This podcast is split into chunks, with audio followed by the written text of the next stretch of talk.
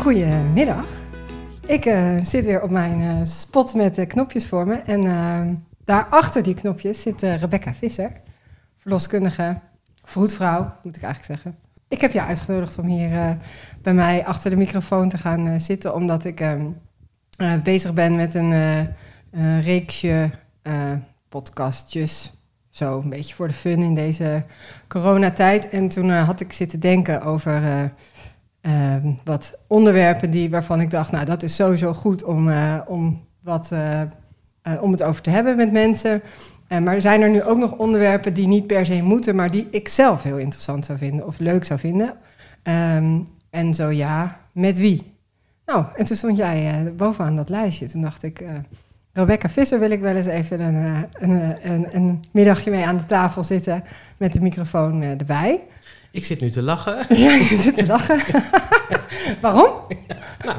Ik vind dat wel grappig Ja? dat ik bovenaan je lijst sta. Ja, ja, nou ja, dat komt natuurlijk omdat ehm, Rebecca eh, ehm, al een tijd eh, vroedvrouw is.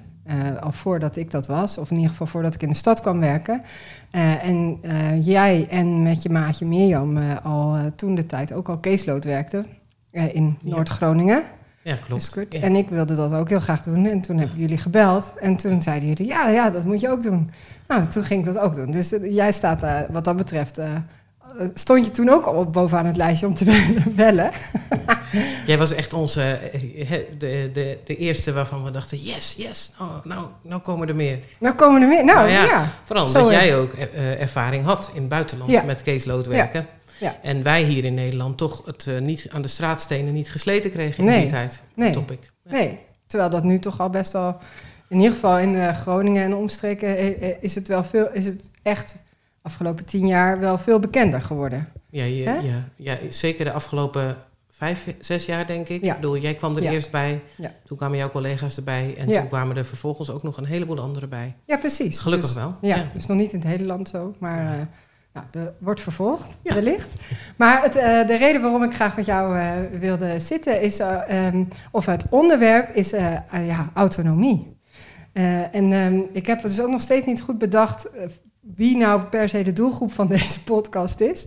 Eh, maar dat doet er eigenlijk denk ik ook niet zo heel veel toe. Ik denk iedereen die ehm, verloskunde interessant vindt, eh, of je nou zelf zwanger bent of hulpverlener, of, dat maakt eigenlijk niet zo heel veel uit.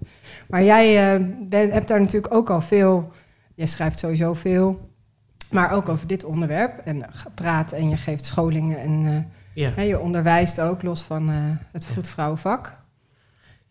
En dan, en dan zie je eigenlijk ook dat, want het woord autonomie, daarbij heb je meteen, ehm, kan je twee kanten op denken, weet je. Is, mensen denken soms dat, dat, dat het vooral dan gaat over dat mensen graag zelf, eh, hun, wat het ook letterlijk betekent, dat je zelf eh, naar je eigen wetten leeft of iets. Alsof, je dan dus, alsof dat betekent dat je alleen maar je eigen ding wil doen en je niks van een ander aan wil trekken. En in de praktijk zie je, terwijl juist daar bij onze beroepsgroep, wij zijn een autonoom beroep. Tien Ja. jaar geleden waren we daar ook nog heel trots op. Mocht je dat ook nog hardop zeggen. Tegenwoordig is het woord autonomie, gaat iedereen gelijk op zijn stoel draaien. Als je daarover begint van, oh my god. Ja, ja, precies. Oh nee, dan heb je weer zo'n verloskundige. We moeten juist met elkaar alles samen willen doen. Dus autonomie is dan een beetje een politiek geladen woord geworden. Terwijl eigenlijk zelfstandigheid van een beroepsgroep wel degelijk een topic is wat voor ons, voor ons als collega's super interessant is. Om te Ja. kijken van, hè, moet je inderdaad, hè, wat, wat houdt dat in? Dus dat is één poot van autonomie. En de andere poot van autonomie, en dat is iets wat ik heel, dat vind ik heel grappig, omdat ik dat juist bij scholingen die ik geef aan verloskundigen, als we het daarover gaan hebben, dan zie je dat dat toch vaak, als ik het naar zichzelf toe haal en ik zeg van, maar dit gaat gewoon over jouzelf ook. Hè? Als je nadenkt over, stel je gaat naar de dokter. En, de, eh, en een dokter zegt, bedoel, sommige, sommige dokters zijn irritant, want die leggen meteen de vraag terug van wat denk jij zelf dat er aan de hand is? En dat is niet per se waar je voor komt. Maar als je het omdraait en je zou een dokter treffen en die zegt, nou, ik ga nu dit en dit en dat en dat doen. En hij heeft het hele besluit al gemaakt en het gaat over je hele been eraf halen, weet ik veel wat. En jij denkt, maar wacht even, is dit allemaal wel de bedoeling? Dan kom je er dus achter hoe, dat, het, dat het voor jezelf super relevant is. Eigenlijk is het volgens mij gegeneraliseerd zo dat mensen, volwassen mensen, vinden het prettig om iets in te brengen te hebben over hun eigen leven. Ja, nou ja, en niet alleen volwassen mensen, maar ja, mijn kind van eh, drie, eh, Is ook vooral heel hard bezig om alles lekker zelf te doen. Toch? Dat, dus dat haal ik dus ook wel eens als voordeel aan. Wat mij betreft, voor, voor voorbeeld aan. Wat mij betreft hoeven we niet met z'n allen te doen wat kinderen doen. Dat je jezelf op de vloer werpt. Als iemand te dicht uh, op jouw uh, zelfdoen komt. Maar ik denk wel dat je daar wel iets aan ziet. Van, uh, juist als, als kinderen klein zijn, vinden ze dat ontzettend belangrijk. De, In eerste instantie kleedt mama je aan. En op een gegeven moment kom je erachter dat je dat ook zelf kan doen. En dan is dat iets wat ook een halszaak wordt. Ja, maar dan is het, om nog, dan is het ook niet heel gek dat het soms ook wel geassocieerd wordt met eigen wijsheid. Nee, dat klopt. Toch? Dus het, er zit natuurlijk wel een, een overlap in zelf doen, uh, zelf denken en daar dan ook niet per se anderen voor nodig willen hebben of ze nodig hebben. Ja, zeker. En dat is natuurlijk juist in de geboortezorg, als je kijkt naar zwangere vrouwen. Ehm, het, is natuurlijk niet zo dat als je het gaat hebben over autonomie en dat dat belangrijk is voor zwangere vrouwen, dat dat automatisch betekent dat ze dan maar het allemaal zelf moeten uitzoeken. En dat ze dat ook willen. Dat is natuurlijk helemaal niet wat ik denk, even ook weer in het algemeen gezegd. De meeste vrouwen willen heel graag een, uh, hè, of je dat nou een verloskundige of een vroedvrouw noemt, maar het is iemand die met ze meedenkt over wat komt er zoal op me af en wat moet ik nou eigenlijk doen. Zolang, het maar, hè, zo, zo, uh, zolang ze maar zelf daarbij wel de controle houden over wat er vervolgens met ze gebeurt. Dus dat stuk autonomie, misschien is autonomie ook wel, is dat wat je op je derde doet, namelijk dat je denkt dat je alles zelf kan. Terwijl wij dan als moeder heel hard lachen, omdat we natuurlijk weten dat het helemaal nergens op slaat. Maar dat je op een gegeven moment gaat leren van ja, het is heel belangrijk om dingen zelf te kunnen. Maar tegelijk is het ook een soort teken van volwassenheid om te erkennen dat je niet alles zelf kan. Nee, dat je ook hoeft. hulp ja. Uh, soms ergens bij nodig kan hebben. Ja. ja. Dus, en zou jij dan eh, in een heel uh, een niet al te lange zin kunnen. Wat is autonomie? In het al, dus gewoon in het algemeen? Leuk ook die uh, disclaimer erbij dat het niet te lang moet zijn. nee, je mag er ook wel 20 minuten voor nemen. Okay, maar dat is ook goed. Ik vind het een hele leuke uitdaging. Even denken. Want volgens mij is, is het. Um, um, ik denk dat dat het in, in het heel algemeen, dus ik probeer nu buiten de geboortezorg mhm. te denken, dat, dat autonomie gaat over dat mensen. Ehm, dat, eh, dat het over volwassenheid gaat. En dat je, dus, dat je dus kunt stellen als het gaat over wat maakt een mens een volwassen iemand.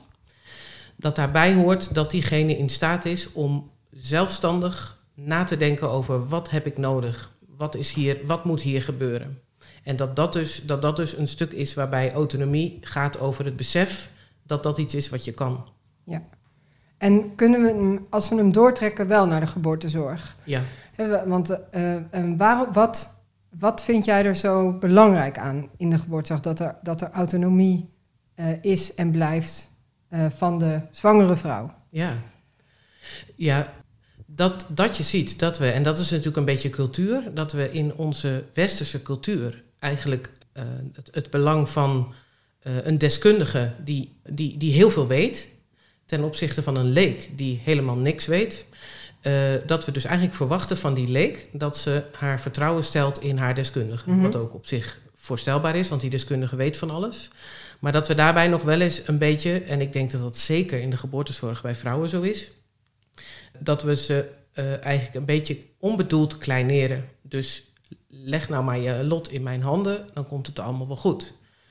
Terwijl als je kijkt naar het proces van een baby in je buik hebben en vervolgens die gaan uh, baren en dan vervolgens zit je met een baby, dan zie je dat je in een context komt waarbij jij als moeder ineens het moet weten over die baby. Je moet voor een baby gaan zorgen en nou ja, jij hebt kinderen, dus je weet er alles van.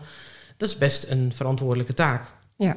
En misschien is dus wel het proces van zwangerschap en bevallen een proces wat inherent, als het goed gaat, met zich meebrengt dat je als vrouw leert om, om op je eigen benen te staan. Dus dat het je autonomer maakt als het goed is. En daarbij denk ik dus, en daarom vind ik dat zo belangrijk, dat dus dat stuk van dat wij nu met onze beste bedoelingen, als het ware, de volle verantwoordelijkheid voor dat hele proces bij iemand weg hebben gehaald en zeggen: Wij gaan nu goed voor je zorgen, leg je lot maar in mijn handen en dan komt het allemaal goed. Dat dat onbedoeld een, een bijeffect heeft dat je vrouwen dat stuk dus eigenlijk de kans om iets te leren wat, wat ze uh, sterker maakt, mm -hmm. uh, dat je dat laat lopen.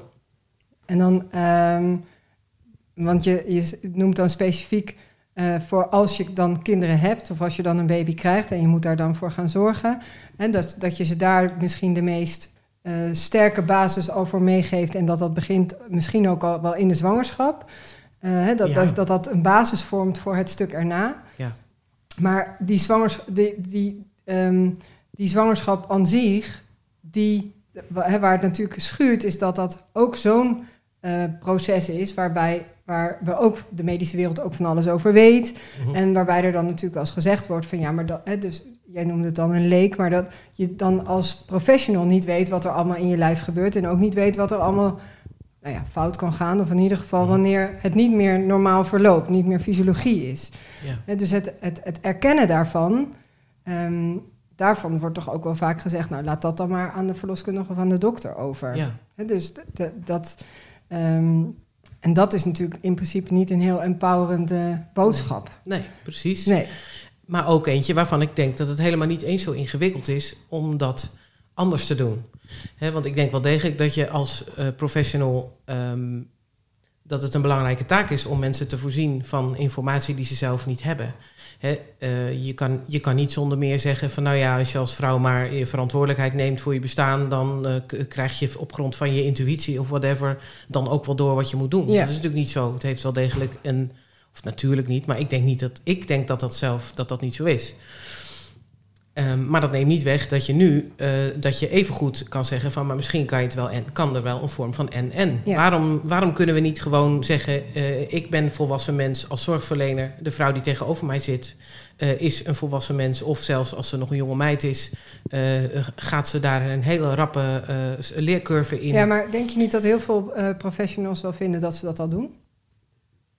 Nou, uh, dat denk ik zeker dat ze dat, dat ze dat denken, dat ze dat doen. Ja.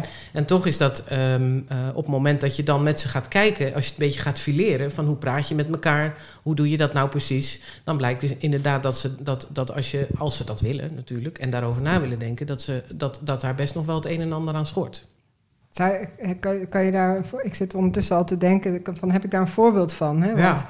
Volgens mij kennen we allemaal wel, en ik denk ook dat dat een beetje een cultuurding is, dat 30 jaar geleden uh, zei de dokter: Kom maar, meisje, kom maar, komt u maar, mevrouwtje, ik help u wel even. Ja. En dan ging iemand bevallen en dan was het een hele duidelijke verde verdeelte. Het is ook in de jaren is dat ook best wel aan het veranderen, denk ik. Dat vrouwen en hun partners uh, steeds meer betrokken zijn bij het hele, ook het medische verhaal en de keuzes die er gemaakt zouden kunnen worden.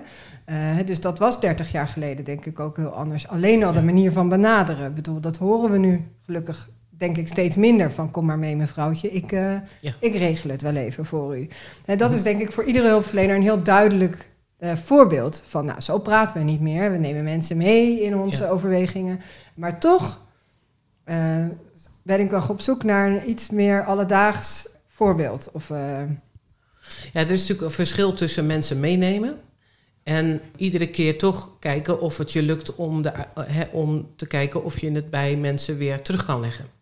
Hè, dus natuurlijk moet je ze meenemen, maar tegelijkertijd is, het, is meenemen uh, kan je op verschillende manieren doen. Je kan inderdaad zeggen van nou, het is tegenwoordig niet meer van deze tijd om geen enkele informatie te geven.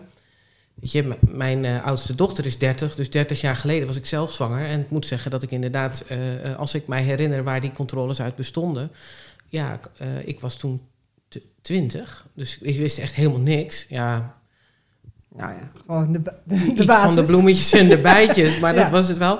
En, uh, en, en dan kwam ik bij mijn verloskundige en die zei dan, zo, hoe gaat het? En dan zei ik, nou goed, want het ging goed. En dan zei ze, nou oké, okay, voel je de baby goed bewegen? En dan zei ik, ja. Dan zei ze, ik meet even je bloeddruk. En dat deed ik dan. Ik had geen idee waar dat voor was, maar dat, hoorde er nou eenmaal bij. Ik moest op de weegschaal staan, geen idee wat dat voor was. Hoorde erbij. Dat voelde ze aan mijn buik, geen idee wat ze deed. Ik vond het ook super eng, want ging ze met de vingers zo in mijn buik te prikken. En dat was het dan. En luisterde het hartje van de baby zo Ja, kort dat ik, dan, dat ik dan zelf dacht, nou, oh, oh, oh, dit was het. En dan ging ik weer naar huis. Als je goed gekeurd. Ja, dat was Ja. goedgekeurd. En, uh, en uh, ik weet, ik kan me niet eens herinneren of ik heel veel behoefte had aan meer hoor. Nee. en, en dan kan je dus zeggen van ja, in een bepaald opzicht uh, is dat dus ook super autonoom. Want ze, ze, deed, ze deed haar ding, ik deed mijn ding en ik kan dan. maar er was geen enkele sprake van dat er verder, behalve dat zij de professional was en ik de zwangere, was verder niet een, iets van. Wij gingen niet met elkaar in gesprek. Nee. Op geen enkele manier. Dus zij wist niks over mij, echt helemaal niks. En uh, nu denk ik, ja, als ik, dan, als ik dan kijk naar in ieder geval hoe ik zelf als verloskundige mijn werk ben gaan invullen, uh, denk ik achteraf van ja, weet je, waarom, waarom waarom heb ik daar nooit wat van gezegd? Of waarom vond ik dat heel normaal? Nou, 30 jaar geleden vonden we dat heel normaal. Dat zo was. Ja. Terwijl op het moment, toen, toen op een gegeven moment zover was dat ik ging bevallen, toen kwam ik erachter dat ik gewoon helemaal niks in te brengen had. En dat ik dus inderdaad gewoon zo, huppakee, een of andere rollercoaster ingeduwd werd.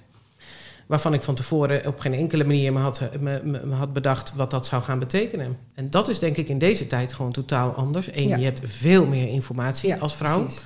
Twee, het is veel moeilijker om dat te filteren. Want je hebt zo ontzettend veel informatie dat het eigenlijk een overkill is. Ja.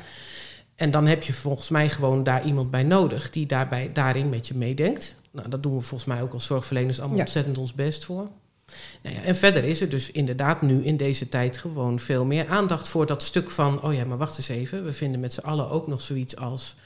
dat je, dat je eigen lichaam, dat je daar zeggenschap over hebt. En dat je dus niet zomaar tegen mensen kan zeggen... we gaan nu even bloed prikken of we gaan nu even een inwendig onderzoek doen. Dat je dus inderdaad dat, dat mensen dat niet prettig vinden. Nee, alleen wordt het natuurlijk moeilijk uh, als het gaat over zwangeren, op, omdat er een baby in hun buik zit. Ja. De, daar, daar gaat natuurlijk, dat, dat is nog een extra component waarvan uh, ja.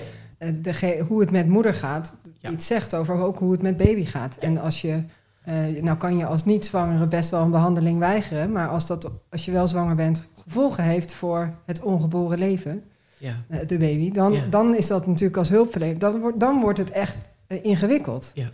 voor een hoop hulpverleners. En dat is ook waarom, waarom ik daar al zeker een jaar of tien reuze druk mee ben. Ja.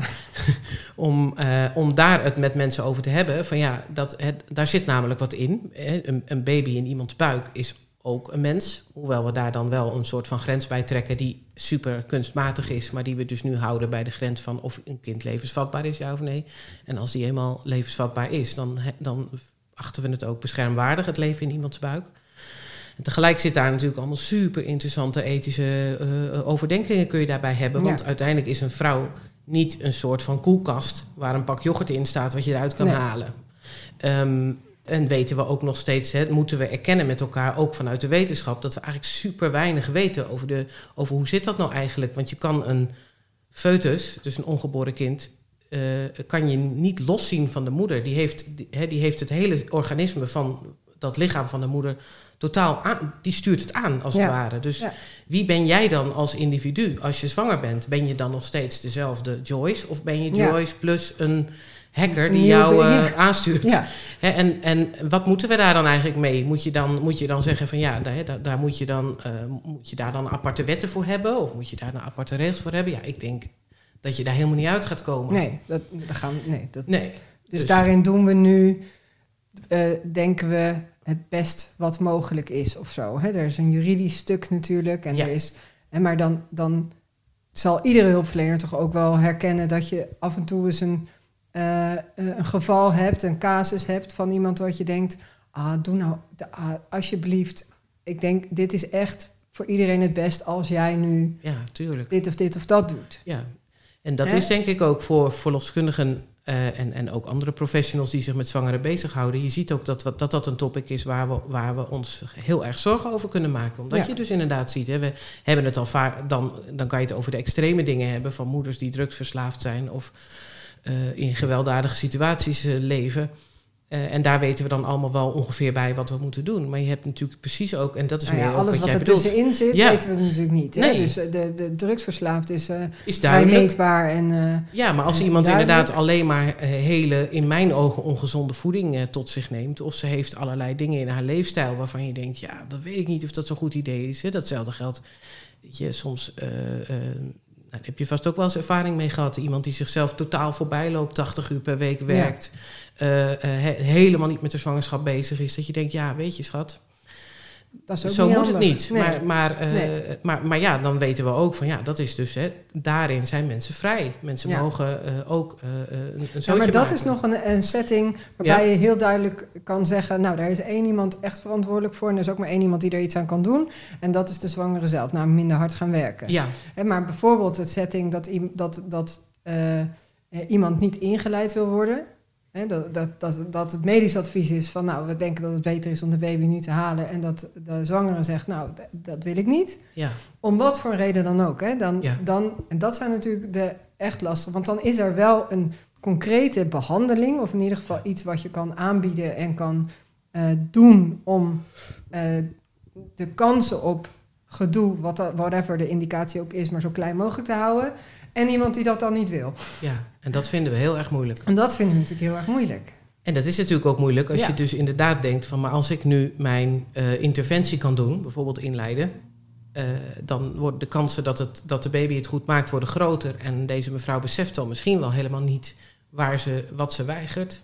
En dit, leidt, dit zijn de grotere dilemma's. Ja, Terwijl op het moment dat je daar dan echt naar gaat kijken van... nou, zijn er nog dingen die we in onze zorg zouden kunnen doen... om de kansen te verkleinen dat je communicatieve misverstanden hebt bijvoorbeeld. Eh, want eh, dan, dan, dan, dan blijkt dat... Dat zou best doable zijn, maar dat vinden we lastig. Hè? Want En een van de kost dingen. tijd, hè? Ja, het kost tijd. Ja. Maar ook een van de dingen die je ziet, is dat juist in het huidige systeem. We hebben natuurlijk onze focus op de interventie en niet op de relatie.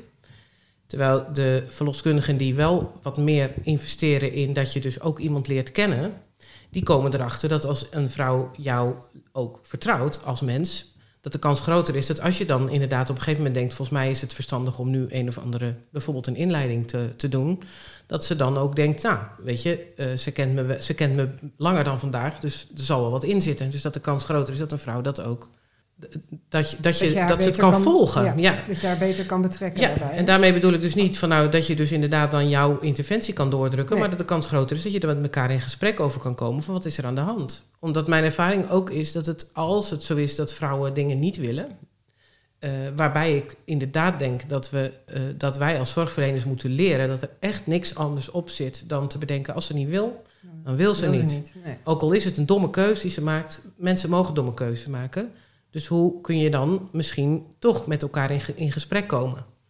Vaak zie je dat zorgverleners eigenlijk maar één kunstje hebben geleerd. En dat is de druk opvoeren. Dus inderdaad nog meer gaan uitleggen hoe verschrikkelijk belangrijk de voorgestelde Ja. interventie is. En mijn eh, missie is dan een beetje om daarbij eh, eh, collega's te laten zien dat dat in het algemeen menselijkerwijs niet zo goed werkt. En dat, het, dat dat er eerder toe leidt dat je dan alleen nog maar meer het vertrouwen op het, op, op het spel zet. Dat je misschien op dat moment dan wel je zin krijgt, maar dat je vervolgens eh, met een vrouw zit die heel hard wegrent en nooit meer terugkomt. En misschien wel alleen maar dommere dingen gaat doen, bij wijze van spreken. Ja, dus dan, dan, gaat die dan verpest je uiteindelijk misschien toch die relatie. Ja. Dan, hè, die maak je in ieder geval niet beter. Nee.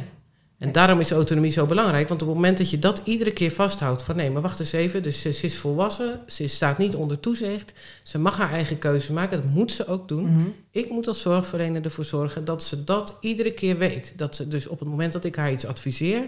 dat ze weet, het is een advies. Maar dat is eigenlijk toch helemaal niet aantrekkelijk als zorgverlener. Waarom niet? Eh, nou, omdat op het moment dat er wel iets gebeurt, hè, dat we, moeder of kind ziek wordt of, eh, of, of erger, dan eh, he- heb je de middelen gehad. Maar heb je ook iedere keer bedacht, ja, ze is autonoom, ze mag het zelf weten. En had je dit misschien kunnen voorkomen? Ja. Dus dat is, dat is niet een aantrekkelijk pad om in te slaan als iemand iets niet wil. Als hulpverlener, want je wil helpen. Ja. Ja, dat is leuk gesteld. Toch? Ja. Ja. En dat is eh, eh, dat alleen... is denk ik het dilemma. Ja. Maar even dan heel kort door de bocht, dan, dan denk ik toch, zonder dat te willen bagatelliseren. Hè, want ik denk dat als je, dit, als je dit in extreme situaties bedenkt en je moet nadenken over inderdaad dat het zo is dat je iemand treft die misschien wel al issues had met vertrouwen, die misschien wel op grond van misinformatie een keuze maakt waar jij helemaal niet achter kan staan, dat je dan dus inderdaad denkt, ja, straks zit ik met een situatie dat misschien wel zij het zelf niet overleeft of haar kind het niet overleeft en dan moet ik leven met de Ja. schade daarvan. En had ze maar naar me geluisterd. Ja, en, Ja. en dan had ik, dan had ik maar nog harder mijn best gedaan. Bijvoorbeeld, precies. Hè? Ja, had ja, ja. ik toch maar nog meer de druk opgevoerd.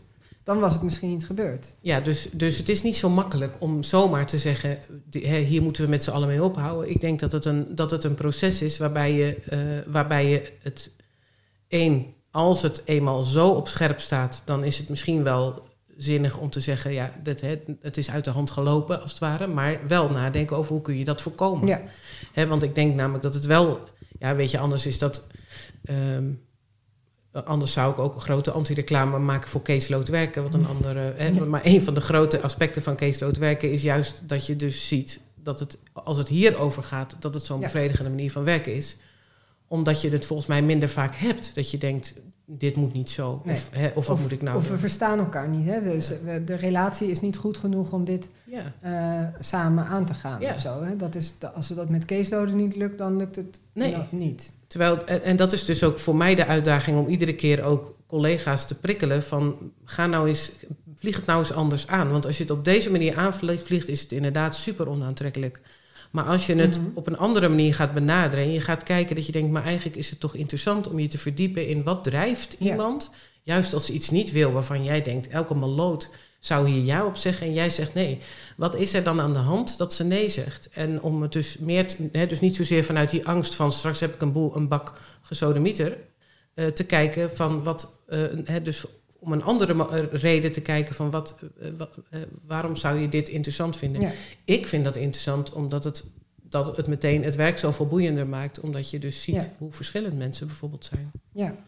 En er zit natuurlijk wel nu ook wel een beetje een verkeerde prikkel in het systeem, omdat je ziet dat nu, het nu wel degelijk zo is dat ehm, zorgverleners niet snel ernstig in de problemen komen door interventies die ze gedaan hebben. Maar vooral door die ze niet gedaan hebben. Precies. Ja. En dat is natuurlijk, dus het is niet zo simpel, maar als het gaat over topic autonomie, denk ik, nou ja, als je het dan maar even terugbrengt naar de basis, dan blijft dat nog steeds iets waarvan je kan zeggen, we zullen er wat mee moeten, want volgens mij vinden in onze cultuur vinden we autonomie gewoon ontzettend belangrijk. Ja, of het wordt in ieder geval steeds bekender. Ja, Toch? Het wordt steeds meer een, iets waar mensen over nadenken. ja, In het algemeen. Ja. Dus niet eh, alleen zwangeren, maar Ja. iedereen. Zeker. Ja, En dat is dus hè, over andere onderwerpen in de gezondheidszorg, van zoals met de donorwet die een paar jaar Ja, geleden erdoor kwam, zag je ook dat, dat, dat hè, mensen slaan daar ontzettend op aan.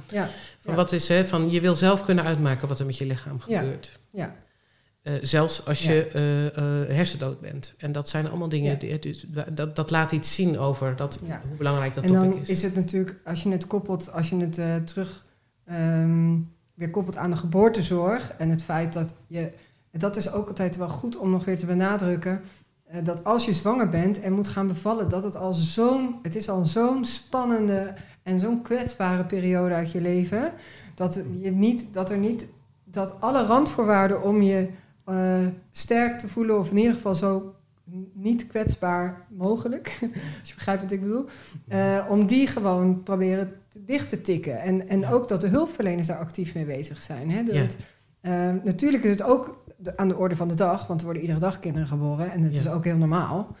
Hè, maar, maar daarmee lijkt het soms ook een beetje, tenminste dat, het, dat gevoel heb ik altijd nog wel, dat, het, dat eh, ja, je dan bijna vergeet hoe, eh, ja, hoe ingewikkeld het is om met je benen wijd te liggen en eh, iedereen daar maar, niet iedereen, maar dat, dat, Ja. is, dat is alleen al een pose die je nooit, haast nooit Ja. buiten je veilige zone aanneemt, toch?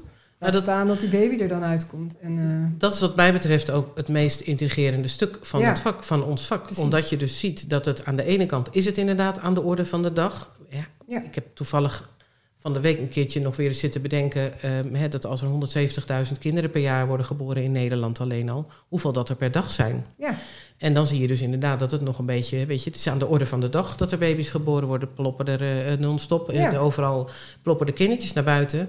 Eh, terwijl het voor het individuele leven van één vrouw, Ja. weet je, als je aan iemand van 80 vraagt hoe, hoe de geboorte van haar kinderen was, dan kan ze je Weet daar alles precies. over vertellen. Ja. En dat vinden ze vaak ook heel leuk. Het ligt Ja. dus ook heel voor op hun tong om daar iets over te nou zeggen. ja, als, dus we- ja, precies. als je, als je Als ze beetje van de vraagt. ervaring was, Ja. maar eh, ja. Ja, natuurlijk. Maar nee, maar ja. eh, hè, Iedereen weet nog wat, wat voor weer het was. Ja. En, eh, En wat de verloskundige zei Ja. en waar ze zat en hoe ze keek. En vooral als ze iets verkeerd zei, dan blijft dat lang hangen. Maar ook als ze goede dingen Ja, zei. Dus het zijn een soort live events die Ja. in mensen hun geheugen gegrift staan. Dat moet iets te betekenen hebben. Ja. En dan is het voor mij dus, is dus dat je aan de ene kant kan zeggen... als verloskundige is het business as usual. Maar tegelijkertijd is het denk ik ook super belangrijk om daar alert op te zijn als zorgverlener. Dat je niet afstompt op dat Ja. het business as usual is. Want voor die mensen is dat het verre van. Het Ja. is een live event gigantisch ja. die mensen ook bepaalt. Hè? Op het moment dat mensen goed bevallen, dan hebben ze daar hun hele leven wat aan. Ja. Ook in de, eh, eh, eh, om te beginnen in het eerste jaar met hun kind, want dat Ja. is al zwaar zat. Als start als ouder. Hè? Dus Ja. de, de, de- wat voor een soort ouder word je. Nou, dat wordt een beetje. Nu maakt het misschien wat groter dan het is. Maar dat heeft zeker wel ook te maken met de start van, die, van dat gezin. Hè? Dus van die bevalling. Absoluut. Ja. Dat, eh, en dat weten we ook. Daar is nu ook wel meer. Hè, daar komt ook meer aandacht voor. Onder andere ook omdat we zien dat hè, die dingen als hechting bij kinderen. Ja. Dat, dat, eh, hè, dat dat lang niet altijd makkelijk loopt. En dan zie je ook dat een goede bevalervaring daarbij daarbij. helpt. Ja, Ja. Dus, hè, dus het gaat. En soms wordt het ook nog wel eens geframed van. Zeker als vrouwen hè, die, die, die autonomie zelf belangrijk vinden. en een soort van een beetje extreme keus maken. dan wordt het nog wel eens in de media ook weggezet als. Dat het egoïsme is van ze. Dat ze alleen maar gefocust zijn op hun eigen ervaring. Ervaring, ja. Terwijl zo kun je dat dus niet stellen. Want een moeder en een kind zijn in de eerste periode zijn ontzettend met elkaar verbonden. En Ja. dus de welzijn van de moeder gaat ook over het welzijn van de baby. Dus, Ja. dus het is ook, ook daarbij zie je dat we daar wat mee moeten als zorgverleners. Je kan niet zomaar zeggen. eh, eh, op Nou, papier die is dit goed. Die is een beetje gek. Nee, nee, precies. Nee. Nee, nee. nee.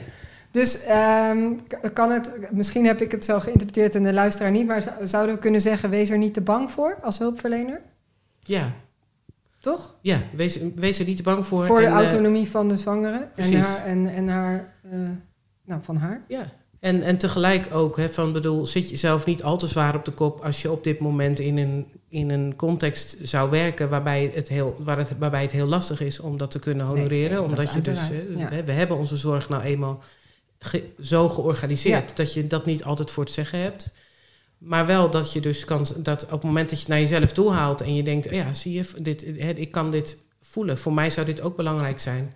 Eh, ja, om, om dus te denken, oké, dat, dat maakt het dus eh, aantrekkelijk om daar mee bezig te zijn. Dus wees er niet te bang Nee, voor. precies. En, eh, en dus juist ook inderdaad, mijn, als ik kijk naar 16 jaar geleden, toen begon ik met werken, en nu, dat is een van de dingen die ik me ook nog maar gewoon herinner, dat, dat, dat ik me dat ging realiseren, dat het een soort van paradox is, dat je denkt, als ik nu de teugels laat vieren, dan gaat het misschien wel helemaal mis, maar dat precies het omgekeerde dan gebeurt. Het is eigenlijk net zoiets als hè, als vrouwen enorm issue hebben met vertrouwen en ze vertrouwen je niet.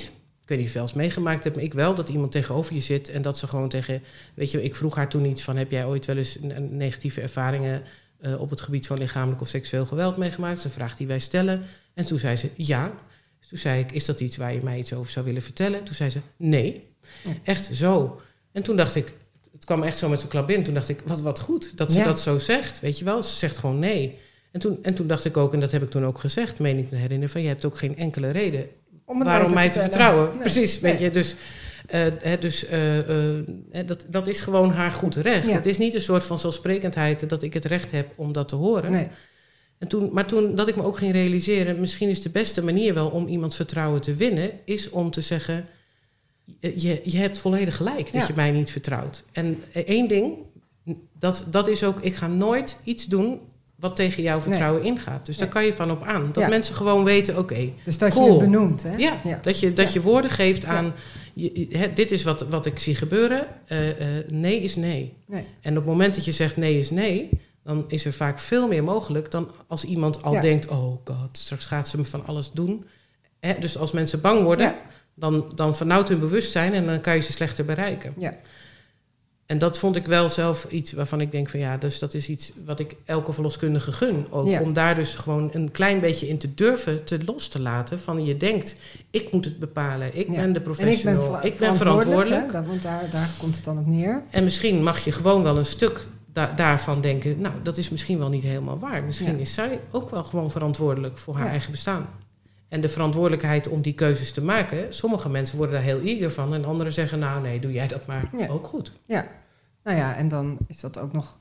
Dan vind ik het ook altijd nog leuk om te kijken om along the way uit te vinden wat voor iemand dat dan is. En, eh, want bij de een, en dan, daar kan je natuurlijk op fine-tunen gedurende de begeleiding die je geeft. Ja, zeker. Eh, wat de een nodig heeft en wat Ja. de ander nodig heeft, wat, wat betreft verantwoordelijkheid. Ja. Ja, Dus Ja. dat maakt het werk leuk, toch? ja sowieso. Ja. nou, en nooit saai inderdaad. Nee, Nee, nou, dankjewel Rebecca. Volgens mij eh, hebben we lekker ge- gekletst. vond ik ook. Toch? Graag gedaan. En, ehm, Jij bedankt. Ja, nee, ja, ja, eh, alsjeblieft. Ik ehm, vond het leuk. Dankjewel. Tot de volgende ronde. Oké dan. Dag.